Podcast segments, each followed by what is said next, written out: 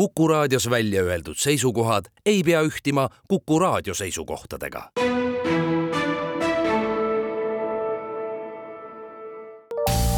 terviseks. saade valmib koostöös Ida-Tallinna Keskhaiglaga. vaata ka itk.ee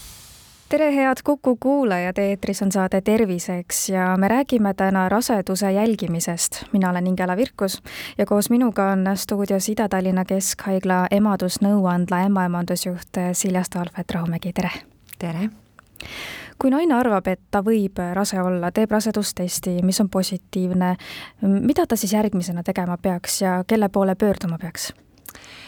No tegelikult äh, naine peaks rasestumise peale mõtlema juba enne seda rasedustesti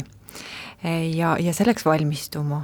et meil Ida-Tallinna Keskhaiglas on ka loodud eraldi vastuvõtud ka rasedust planeerivatele patsientidele, et nad saaksid juba enne raseduse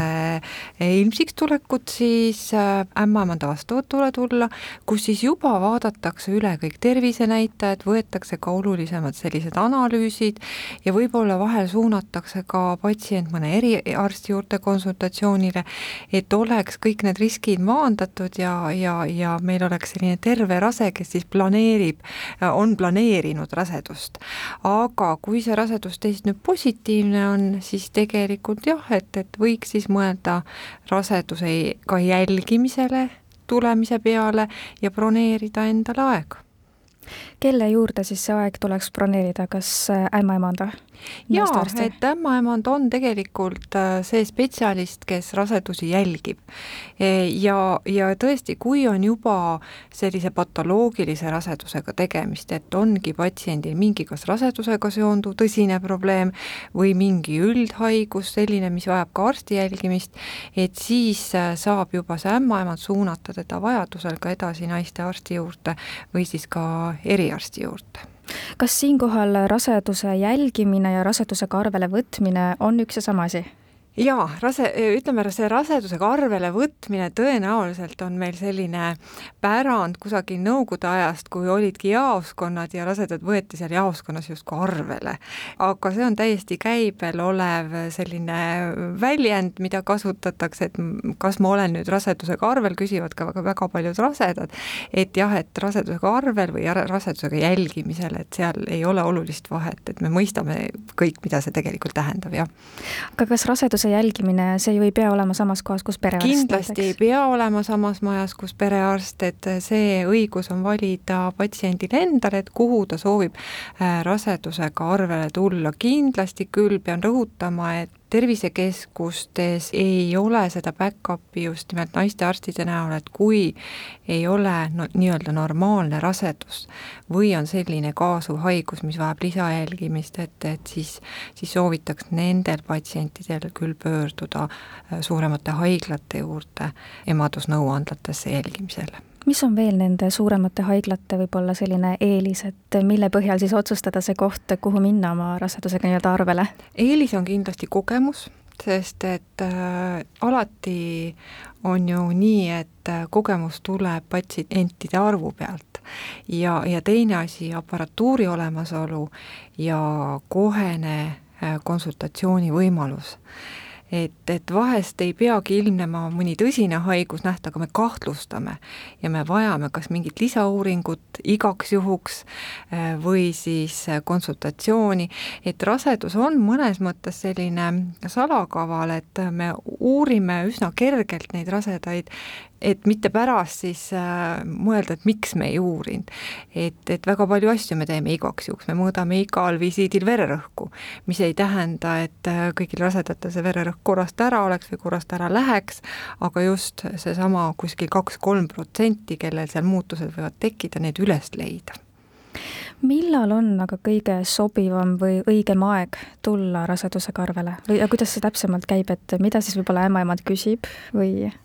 Eh, rasedusega arvele jah, et eh, tihti tahetakse kohe, kui see rasedustest on positiivne, tulla siis vastuvõtule, aga selline soovituslik aeg, kui varasemalt on kõik kenasti korras olnud, siis kuues kuni üheksas rasedusnädal on see ideaalseim aeg. kui tullakse seal neljandal-viiendal nädalal, siis on see paha asi, et me ultrahelis ei saa seda rasedust sedastada, me ei näe seda loodet ega, ega isegi lootemuna veel seal emakas. ja siis me peame tavaliselt patsiendi ikkagi paari nädala pärast tagasi kutsuma, aga inimese jaoks on tihti see kaks nädalat ootamise aeg selline mure, et kas nüüd ikka kõik on korras. et äh, kuuendast-seitsmendast nädalast jah, peaks siis ilusti kenasti see rasedus ka olema sedastatav ultrahelis, et siis me saamegi patsientidele ka näidata, et see rasedus kasvab ilusti, temal on südametöö olemas, et hästi oluline on see esimese ultraheli äh,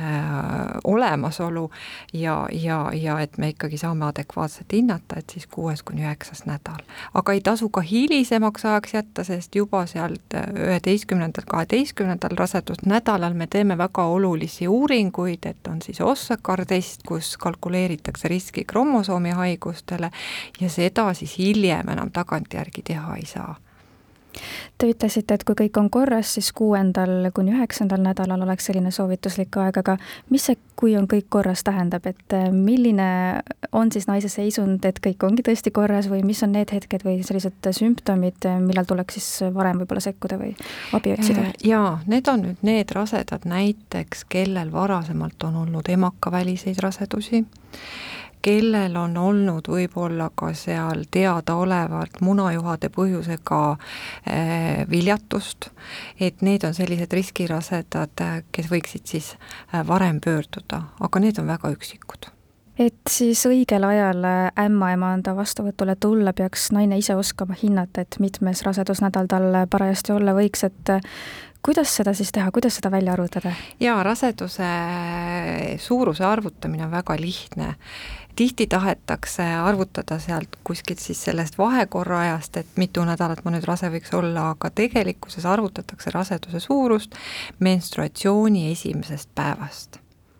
aga mis siis, kui näiteks viimane menstruatsioon oli enne eelmist last, et äh, rasedusnädalat on oluline vist ju ka registratuuris mainida, kui hakatakse ämmaemanda juurde aega panema? E, jaa, neid juhuseid on, kus tõesti üldse ei teagi, millal see rasestumine võis toimuda ja millal see viimane menstruatsioon on, no siis on tõesti nii, et kui me aimame millegi järgi, et me umbes võiksime teada, kui suur see rasedus on, siis me saame seda mainida, aga no mis siis ikka, et kui ei tea, siis ei tea, et siis tuleb ikkagi pöörduda ja tulla meile esimesel võimalusel. kui kiiresti täna saab üldse ämmaemanda juurde? ämmaemanda juurde tegelikult saab rasedusega arvele tulekuks väga kiiresti aja, et seal noh, enamasti isegi juba samasse nädalasse e, ja, ja mis ei tähenda seda muidugi, et jätta see aja broneerimine viimasele hetkele, et tegelikult tasubki natuke lugeda, mõtiskleda e, ja, ja see aeg ikkagi juba aegsasti ära broneerida mis siis edasi saab, kui naine on käinud selle esimese visiidi ämmaemanda juurde, ta on rasedusega nii-öelda arvele võetud, millal ta nüüd järgmisena peaks siis järgmisel korral tagasi tulema ja, ja mis siis edasi saab üldse, et kui tihti ta peab hakkama käima ämmaemanda juures, mis uuringuid tehakse veel? jaa, et äh, meie oma praktikas ju kasutame äh, raseduse suuruse kirjeldamiseks nädalaid, et kui rasedad tihti räägivad kuudest, et rasedus on üheksa kuud, siis meie räägime nädalatest, et rasedus keskmiselt kestab siis nelikümmend nädalat. ja millal järgmine visiit on, et kuni kolmekümnenda rasedusnädalani tõesti me kutsume noh, seal iga kuu tagant patsiendi tagasi või viie nädala tagant, vahel need vahed on veidi suuremad, aga peale kolmekümne teist nädalat siis kutsume patsiente juba iga kahe nädala tagant visiidile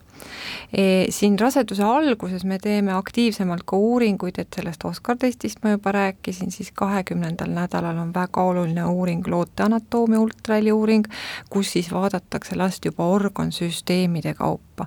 ja noh, selline kontakt oma ämmaemandaga on ikkagi igakuine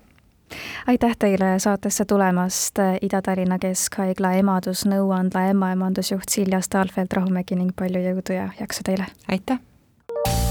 terviseks saade valmib koostöös Ida-Tallinna Keskhaiglaga. vaata ka itk.ee